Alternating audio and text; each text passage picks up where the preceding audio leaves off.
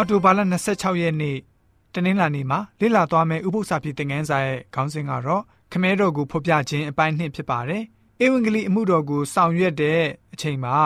ရှင်ယောဟဟာဆိုလို့ရှိရင်သခင်ယေရှုကိုနှုတ်ကပတ်တော်လို့ခေါ်ဆိုပါတယ်။ရှင်ယောဟဟာယေရှုရှင်ရဲ့အကြောင်းကိုကြွေးကြော်တဲ့နေရာမှာကြောက်ရွံ့စိတ်မရှိပါဘူး။အကန့်အသတ်မထားပါဘူး။ရဲရင်ပွင့်လင်းစွာကြွေးကြော်ဟောပြောပါတယ်။ ကဘာကြီးမတီမရှိမီကလေးကယေရှုရှင်ရှိတော်မူတဲ့အကြောင်းယေရှုရှင်ဟာဆိုရင်ဖန်ဆင်းခြင်းအလုံးစုံရဲ့လက်ရရှင်ဖြစ်တဲ့အကြောင်းကိုရောဟာလူသားအလုံးရဲ့အလင်းတော်ဖြစ်တယ်ပြီးတော့နှုတ်ကပတ်တော်လို့ခေါ်တွင်တဲ့ယေရှုရှင်ဟာလောကကိုကြွလာပြီးတော့လူတိုင်းကိုအလင်းပေးတယ်ဆိုပြီးတော့ရှင်ယောဟန်အနေနဲ့ဖော်ပြပေးခဲ့တာတွေ့ရပါတယ်ရှင်ယောဟန်ဖော်ပြတဲ့အတိုင်းပဲခရစ်တော်ဟာလူသားဇာတိကိုခံယူပြီးတဲ့နောက်မှာဘလို့ရလက်မျိုးဖြစ်ပေါ်လာသလဲဆိုတာကိုကြည့်ကြပါစို့ရှင်ခရစ်ဝင်ခန်းကြီး1ငွေ14နဲ့18ကိုကြည့်ပါမယ် နှုတ်ကပတ်တော်သည်လည်းလူစားတိအဖြစ်ခံယူ၍ကျေးဇူးတော်နှင့်၎င်းတစ္ဆာတော်နှင့်၎င်းပြည့်စုံလျက်ငါတို့တွင်တည်နေတော်မူသည်ဖြစ်၍ခမဲတော်၌တပါးတီသောသားတော်ဤဘုံကဲ့သို့သူဤဘုံတော်ကိုငါတို့သည်မြင်ရကြပြီဖျားသခင်ကိုအဘယ်သူမျှမမြင်စဘူးတော်လဲခမဲတော်ဤရင်ခွင်၌ရှိသောတပါးတီသောသားတော်သည်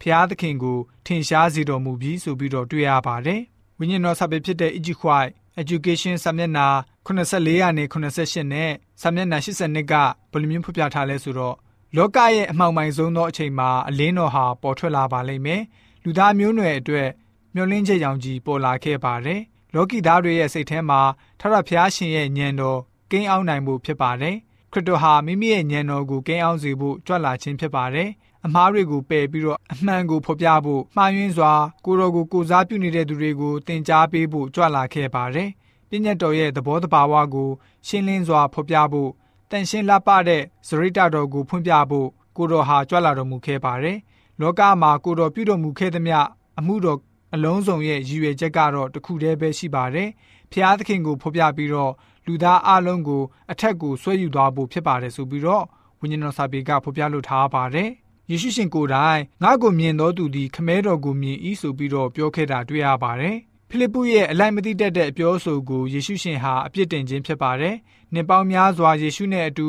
နေထိုင်ခဲ့ရတော်လဲပဲယေရှုရှင်ဟာလူစားတိကိုခံယူပြီးတော့ခမဲတော်ရဲ့ဇာတိသဘောဇရိတတော်ကိုပြသဖို့ကြွလာတာကိုဖိလိပ္ပုဟာနားမလည်တဲ့အတွက်ကြောင့်ဖြစ်ပါတယ်။ဒီနေ့ခေတ်ဆရာဆရာမတွေဟာဆိုလို့ရှိရင်မှားယွင်းတဲ့အလွန်ဆိုးရွားတဲ့အမှားမျိုးနဲ့ကြုံရမယ်ဆိုရင် အရေးတကြီးမထားဘဲနဲ့လစ်လူရှုထားတတ်ကြပါတယ်။ဖိလိပ္ပုရဲ့မိဂွန်းမျိုးဟာမှတ်သားထားတဲ့မိဂွန်းဖြစ်ပါတယ်။သို့တော်လည်းပဲသူ့ကိုတော့အပြစ်မတင်ပါဘူး။ကျွန်တော်တို့အနေနဲ့မိမိတို့ကိုယ်ကိုပြန်လည်ဆန်းစစ်ရုံတက်တဲ့အတွက်သာဖြစ်ပါတယ်။ယေရှုရှင်ရဲ့အကြောင်းဟာဖိလိပ္ပုတည်ထားတာထက်ပိုပြီးတော့များစွာတာလွန်တဲ့အကြောင်းကျွန်တော်တို့အနေနဲ့လည်းပဲသိရှိနားလည်ထားပြီးတော့ယေရှုရှင်အားဖြင့်ခမဲတော်ဖျားကိုမြင်တွေ့ကြတဲ့ယဉ်ကျေးသူတွေဖြစ်စေဖို့အတွက်တနင်္လာနေ့ဥပုသ္စာဖြစ်တဲ့ငန်းစာကဖော်ပြပေးထားပါတယ်။